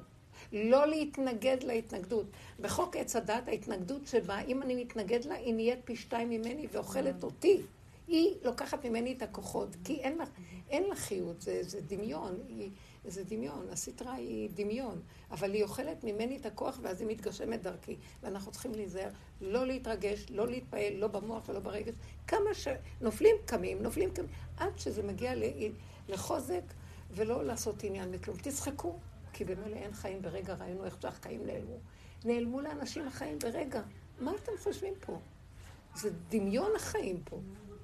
אני, אני אומרת, רגע, רגע, אם אני חי את הצמצום ברגע, אתם יודעים משהו? אני גם לא יכולה לחשוב מה יהיה עוד רגע, וגם מה שיהיה, ולפחות אני לא מבועטת. אנשים מתים עוד לפני שהם מתו. לפחות האדם הזה לא יודע, כמו ילד קטן, לא יודע, שמח לו, מה אכפת לו כלום.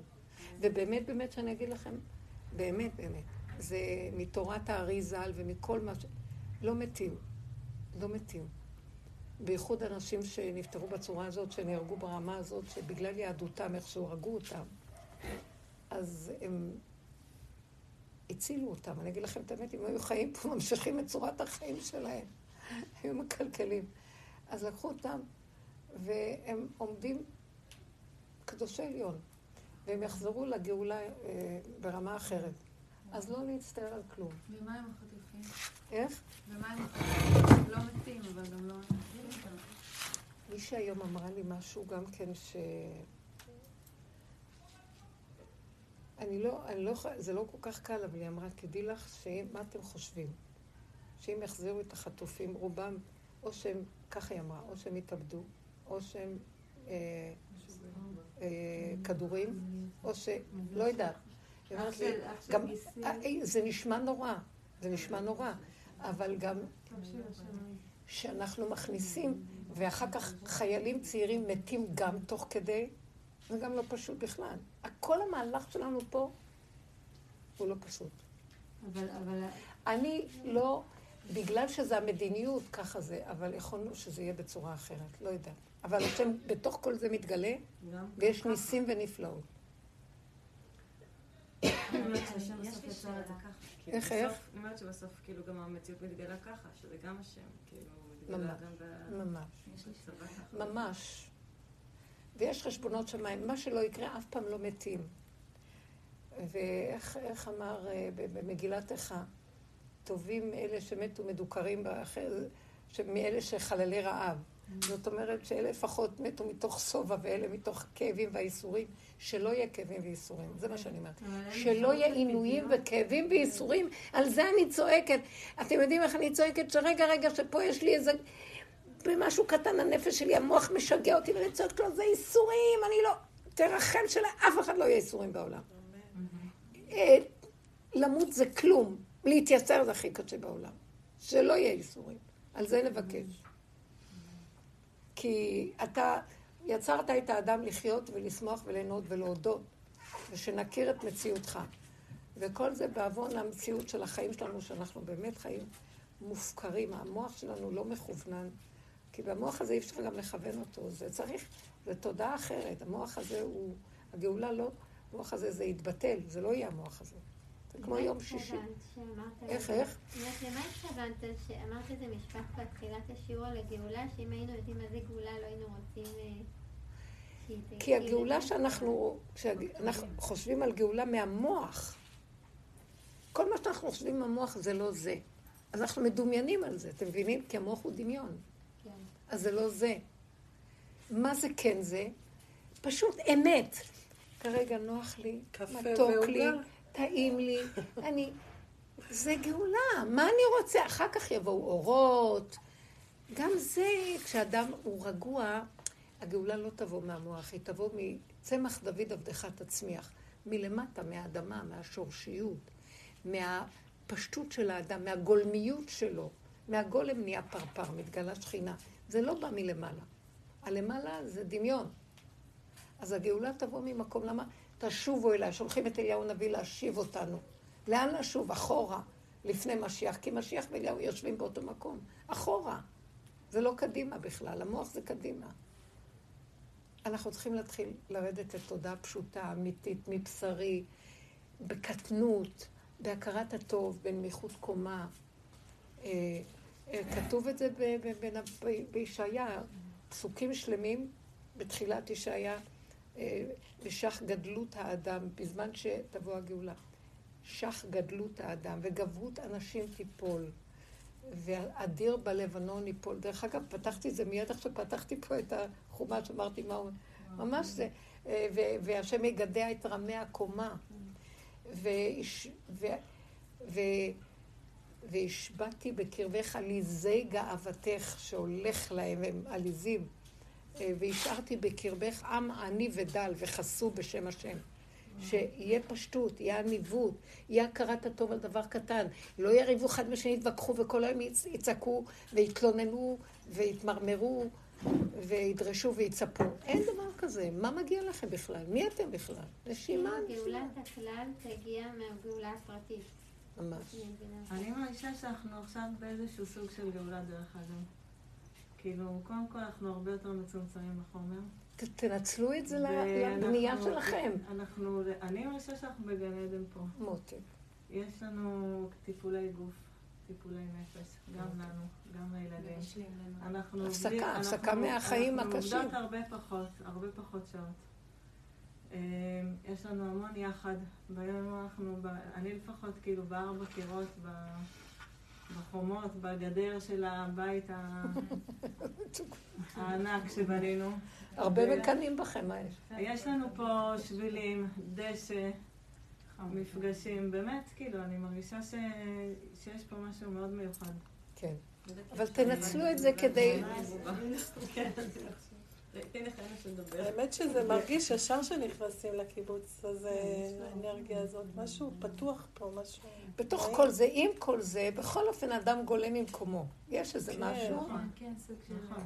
שפתאום באמצע... אני לא חווה הסכמה, אבל בסדר, זה באמת... עכשיו לגבי באמת אה, מה שהרבנית שאלה, כאילו למה אנחנו לא חוזרים, וגם שאלה שאני מניחה שהרבה מאיתנו שואלות, במיוחד על שובה, כי באמת...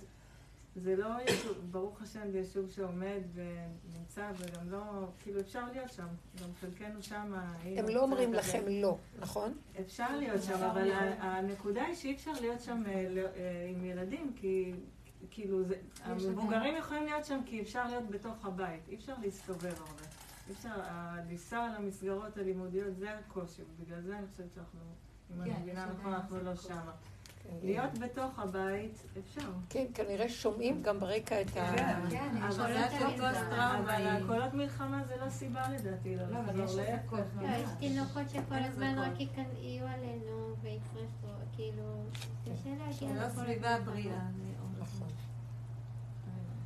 אבל מה שאמרת על החטופים, אני, אני כאילו אומרת, אנשים יצאו מהשואה ואנחנו חייבים גם לשאת גם אור למקום הזה. כאילו אח של גיסי שם, אחותי שישבה פה והלכה, אני רוצה להאמין שהשם. פודה שבויים, ואני רוצה להאמין שאנחנו נתפלל עליהם, שאם אם השם יחליט שהם יצאו משם... עכשיו תקשיבו, אל תתפללו רוחנית, תתפללו מתוך הנקודה של עצמם. תפילת החולה על עצמו כן. מועילה, גם לאחרים.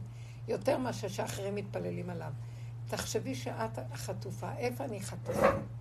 אני גנובה, המוח שלי גונב אותי רגע רגע. אם היינו יודעים איזה סבל יש לנשמה שלנו ולשכינה בקרבנו מהמוח הזה, היא בדיכאון משם. אנחנו משועבדים יותר גרוע מפרעה במצרים, שזה היה בגוף. זה בנפש, זה, זה חולי נפש, זה חרדות ופחדים וכאבים ו, ודיכאון. זה כאילו יללה ונרגנות ולא טוב לנו, חיים תלויים מנגד. תודעה של עץ הדת היא קשה מאוד. אנחנו שבויים שם.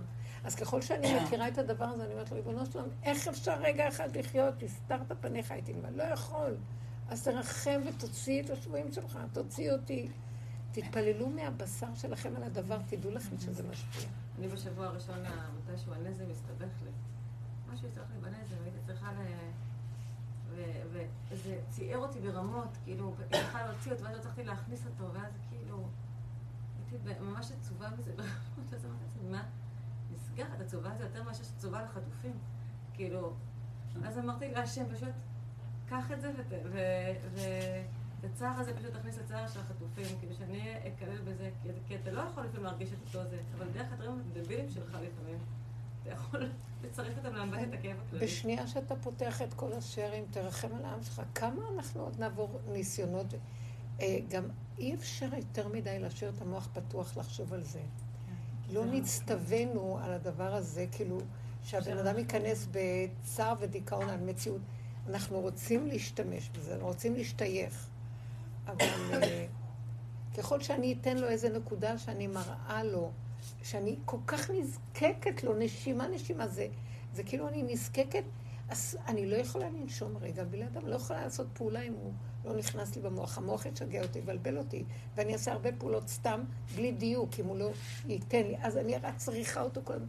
כשאני קוראת בשמו, זה מה שאברהם אבינו היה הולך, היה הולך וקוראו בשמו של השם. כל קום יתהלך בארץ, כל פעולה, כל עשייה, כל זה, תמיד היה השם, זה היה החיבור שלו, ואת זה הוא פרסם. אז השם התגלה דרכו, והוא עשה את הפעולות. אה, את לא מבינה, תגידי מילה וזה יהיה. תגידי, תוציא אותם, זה יתקיים. הוא מחכה לה לחיות איתנו, לא במוח, לחיות איתנו. אני חייבת לספר עוד משהו קטן. בשבת, אה, אה, חברה אה, התקשרה לי באמצע שבת, בעלה בעזה, והיא התקשרה. סיפרה לי, כאילו בכתה איתי, שהיא בכתה שאני אעזור. קיצור, קיבלה בשורה, הייתה בדרך לבית חולים, ועניתי לה. היה לי הרגש שאני צריכה לעמוד לו בשבת, מה שלא קורה בחיים, וכאילו, ידעתי שבעלה בעזה והיא במצוקה וזה וזה, ואז... כמה שעות אחרי זה לא ידעתי מה אני אמורה לעשות, כאילו, זה שבת, אבל אני כאילו, לא ידעתי אם הוא חי, אם הוא מת, ומה קורה איתו, ומה זה. אז אמרתי להשם, תן לי סימן, כאילו, תן לי עוד, אם אתה שולח לי בשתי דקות הקרובות סימן של הודעת וואטסאפ, אתה אומר לי שאני צריכה להתקשר.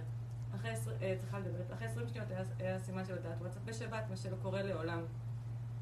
ופשוט, כאילו, התכתבתי איתה בשבת, והרגשתי שזה כאילו, שהוא פה. אמרתי, השם פה. אני כאילו, אני קראתי לו, ביקשתי ממנו סימן, והוא נתן לי. זה היה פה, כאילו, ממש. זה היה כן. לי מאוד מאוד אה, חזק. ואחרי זה גם קראתי את זה בפרשה. פרשה ש... בפרשה עם אליעזר, שהוא אומר את זה בבוקר קראתי, ואמרתי, יואו, זה מה שאליעזר אמר, והוא לא סיים לדבר, וכאילו נקרתה בדיוק. רבקה. אה, כאילו. הציבי לך, זה נקרא הציבי לך ציונים. מדהים. אמנם זה כאילו, זה לעבור על איזה משהו בשבת, אבל גם כן לא כל כך פשוט, שההלכות היום לא, לא ברורות בנושא של... לא, זה, זה לא פשוט. יש קצת ויכוחים על הנושא של, חש... של החשמל, אם באמת זה עוברים על זה. לא, את אמרתי, עת לעשות השם הפרו אז תורתך. אני לא יודעת להגיד שזה... אני לא יודעת גם להגיד, אבל כן, אני אמרת, שפעלתי, וזה היה- כאילו, מעת כן. לעשות השם הפרו תורתך, הרגשתי שמשהו כזה. יכול להיות שזה לא נחשב איסור בכלל. יכול להיות. יכול להיות. כן, יש כמה הכי אה, פוסקים שבדבר הזה לא... הרבנים, השאלה של כן. עץ הדת, אבל כן. זה מאוד מעסיק אותי כן, מהיום כן. הראשון. של... שאני כל הזמן שואלת את עצמי, איך נחזור לשם? כאילו, אני מבינה שבכל מקום יש סכנה, ובכל מקום הקדוש ברוך הוא, השם רוצה שאני אחיה איתו, אבל... אה, כאילו, אני ממש, יש לי משהו עמוק שלא רוצה לחזור לשם, שאני מרגישה כאילו, הנה, שבאלמוג לא, לא נגעו, פה, שיש מקומות שבסוף הם כן יותר, אה, שזה בעץ הדעת עדיין, אבל אפילו כל הילדים שלי חזרו לבית לקחת דברים זה, ואני לא מצליחה לחזור, אני כאילו, יש לי גם איזה כעס כזה על כל מה שקרה, כן. משהו כאילו... שכן, דמיינו, היה דמיון של חומה, והיה דמיון של חיילים, ודמיון של מדינה, ודמיון של מטוסים שיבואו, ובאמת כלום, כלום, פשוט כאילו... וכבר כולם רוצים לחזור הביתה כי אנחנו מתגעגעים, ואני אומרת, אבל אם- הם עוד במנהרות, אם הם עוד פתאום, לא יודעת, כאילו, מה, זה, אני מבינה שזה עץ הדעת, אבל זה... לא, יש, יש בזה איזו נקודה של... אה, אה, לי, לא, אני עכשיו מדבר, שואלת שאלה ב- בטבע הרגיל. תמיד בטבע הרגיל הוא חייב להיות מחובר להשם. כי גם השם בטבע הרגיל, אבל להיות מחובר איתו. אז בכל אופן, יש מה שנקרא מציאות כרגע של סכנה שם. או נראה שהמצב, לפי האסטרטגיה, שזה דבר שהולך להתמשך. כן. ויש מקום כן לחשוב, אה, אם אתם יכולים לחיות במציאות הזאת, ואתם חזקים עם הנקודה ולא... ויש מצב שאם זה לא מתאפשר בגלל הילדים וכן כל מה שדיברו, שזה לא משנה ולא נורא אם האדם עוקר זמנית למקום אחר כדי לאסוף את חלקיו ולבנות את מציאותו בצורה כזאת. אנחנו במילא כי גר אנוכי בארץ. אין לנו פה אף פעם איזה, מה, התיישבנו קבע. יש, יש שלב שהשם יעביר את רוח הטומאה מן הארץ ואת כל הסערה והחרדה, ו, ו, ואז יהיה שקט ושלווה ויש תחת גפנו ותנתו. וגם השם יגלה את הנחלות האמיתיות, איפה כל אחד באמת מתאים לו וזה. אז, אז אנחנו בתודעת הזמניות הזאת, שלא להתקבע, אלא כמו שאני אומרת, רגע, רגע, זה תודעה של רגע, רגע, כאן אז אפשר, זה- אבל בתוך התודעה הזאת של הרגע, או אם זה פה, פה, תמיד עם השם. אני אהיה בשובה עם השם, אז אני גם יכול להיות איתו פה, זה לא משנה. אבל כן, יש מקום לקחת קצת בחשבון את הנתונים הפיזיים ש- ש- ששייכים שם. כי כמו שאתם אומרים, הילדים קשה, שיסתובבו ככה. אה, גם הרעשים הם קשים. לא, אבל אני אומרת, אפילו אחרי, נגיד עוד חודשיים אומרים לנו אפשר לחזור, שקט. אל ו- תחשבי רחוק. כן? זה מחשבה ספקולטיבית. אני לא יודעת, נראה ואולי ואבל ואם. כרגע, יש לך רצון. להישאר באיזה מקום, אפשר לשלב גם, לעשות את העבודות שצריך לעשות, לנסוע לשם ולחזור, אבל לא מציאות של כל הילדים וכל המשפחתיות. וכל אחד יראה מה הוא צריך לעשות ואיך שזה עובד. זה יכול להיות מאוד אישי. מה-? אני אומרת שזה יכול להיות מאוד אישי, כל אחד מה... נכון. כל אחד והנקודה שלו, שלא לא נורא בכלל אם עושים זמנית איזה שיקול מצב וזה לא. זה, אחר כך רואים מה קורה, אבל לא להישאר כאן, מה יהיה איתי, כמה זמן, לא זמן, מה יהיה בעוד כך וכך, ואם ככה, אל תישארו במוח הזה, כי לא נדע מה שיהיה עד שיהיה, כמו שהרמב"ם אומר, לא נדע, לא יודעים. הוא, הוא משאיר אותנו היום בתפיסה של תלויים ועומדים. של אה, תכלית הידיעה שלא נדע, של תולרץ על בלימה. זה יסוד האמונה. אז אתה חייב להאמין בהשם וזהו. כי ככה אני עוד מחזיק ממשהו קבוע ויש לי על מה לסמוך. שמתם לב? וזה עכשיו גל חדש שמגיע עכשיו אלינו, שאנחנו צריכים להתחיל להסתגל לצורת חיים ברמה אחרת. ומה אכפת לי אם אני פה או שם? אני איתו. קל לדבר, אבל באמת, תבדקו את העניינים, והשם יברך אתכן.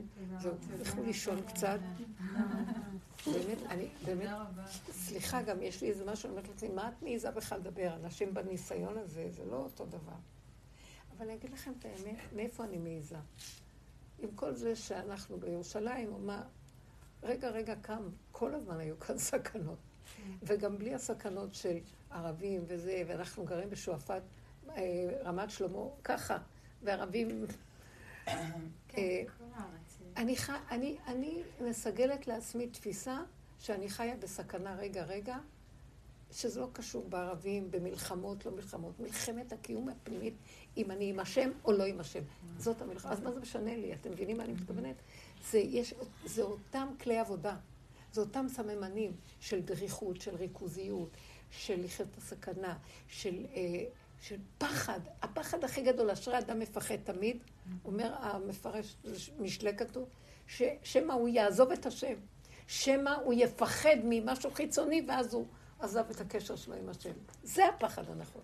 אז זה כל הזמן. זה תודעת ארץ ישראל? איך, איך? אני אומרת, האם זאת תודעת ארץ ישראל? זאת תודעת האמת בארץ ישראל. זה הבית של השם. זה המקום הכי נעלה מכל הארצות. זה משכנו של, משכנה של שכינה. וזאת התודעה שלה. אמונה תמידית, רגע, רגע, רגע. תסתכלו רגע, ב... ב... הכוהנים שהיו משרתים בעזרה בבית המקדש, אז היה מחנה לוויה והיה מחנה שכינה. הכוהנים שנמצאים במחנה שכינה, זה דריכות, זה כזה דקות של הלכות דקות מן הדקות בעניין של טומאה וטהרה. הכל היה כל כך רוטט ודק ומתח... אני באה מאהבה, יש איזה משהו שהוא מהאהבה. אהבה נובעת משם. כי אני לא יכולה עכשיו כל הזמן סכנה, סכנה, ועכשיו... לא, מתוך הנקודה שאם אני חיה רגע את ה... אני עכשיו מתארת את זה, אבל כשאני רגע חיה בצמצום, משם נובעת אהבה שאת לא יכולה לתאר לעצמך. שהוא כותב גם באריזה, הוא כותב שמידת הגבורות הממותקות זה הגאולה, זה האהבה הכי גבוהה. רשפיה רשפה אש, שלבת ים. זאת אומרת, דווקא מתוך הגבורה, מתוך הדין ומתוך הריכוזיות, משם נובעת אהבה. זה לא אהבה של דמיונות והפקרות, כן? אבל בואו ניתן את הנקודה הקטנה, הוא ייתן לנו הרבה כנגד זה. תודה רבה לכם. אני רק רוצה ממש נקודה כן. אחרונה, שאני פשוט מדברת עם הרבה, זה הרבה תחושה שלי, אבל גם שאני מרגישה, כאילו אם את יכולה רגע כמה מילים להגיד על המקום של אשמה. כי אני מרגישה שהחומר הזה נמצא, כאילו שזה גם הרבה במלחמה. אשמה ממה? אה, זה יכול להיות, אני, אני חושבת שהאשמה מתחברת מאוד באמת למקום הזה של המוח שאת, ממש, אומרת. ממש, ממש. זו אשמה לא רצויה. זה האשמה היחידה זה מול בורא עולם, להגיד אבל אשמים אנחנו. אנחנו הבאנו לעצמנו את כל הדבר, לרגע. ולא להשתהות שם בבכי ויללה. אבל להישאר פה אני אשם, אה, אשמה מול הילד שלא נתתי לו מספיק, מול זה שאמרתי לה, הוא ככה ולא עשיתי ככה, אמרתי, נקודה. לא נתתי, אז עכשיו אני אתן. לא להשתהות על זה, זה, זה ממית. זה לא מביא שום דבר. זה שקר. את אומרת שיש איזה רגע של אשמה על המקום, כאילו, זה... שהבאנו את זה, כאילו מול, ביני לבין השם. עצמי. זה מול השם, זה כמו יום הכיפורים. יש לי רגע שאני אומר, ריבונו שלום, אבל אני גרמתי, אבל זו המציאות שלי. אני, הילד ככה מתנהג, כן, אני ככה וככה עשיתי. זה לרגע אחד. אבל אני לא יכולה לשבת שם ולעשות מזה סיפור ועלילה. כי זה, זה, אין לזה תועלת בכלל. זה מכלה את האדם, זה מייאש אותו, זה מביא לו דיכאון, זה מביא לו צער, מחליש את רוחו, מרפא את ידיו, אין בזה תכלס. רק רגע מול בור עולם. תפסי איפה הנקודה, כן יש מקום לברר אותה, להגיד אותה, להתוודות עליה, ושלום על ישראל, כמו יום הכיפורים, ואחר כך אנחנו יוצאים כמו מלאכים. אמרנו ושלום. אפילו לא עשינו כלום, רק אמרנו. מבינה? ההכרה והדיבור זה מה שנדרש מאיתנו, והשם יזכה לנו, ותהיו חזקות ובריאות בנפש. זה מדרגת האדם. ככה ממליכים את השם, לא במוח החולני. תודה רבה.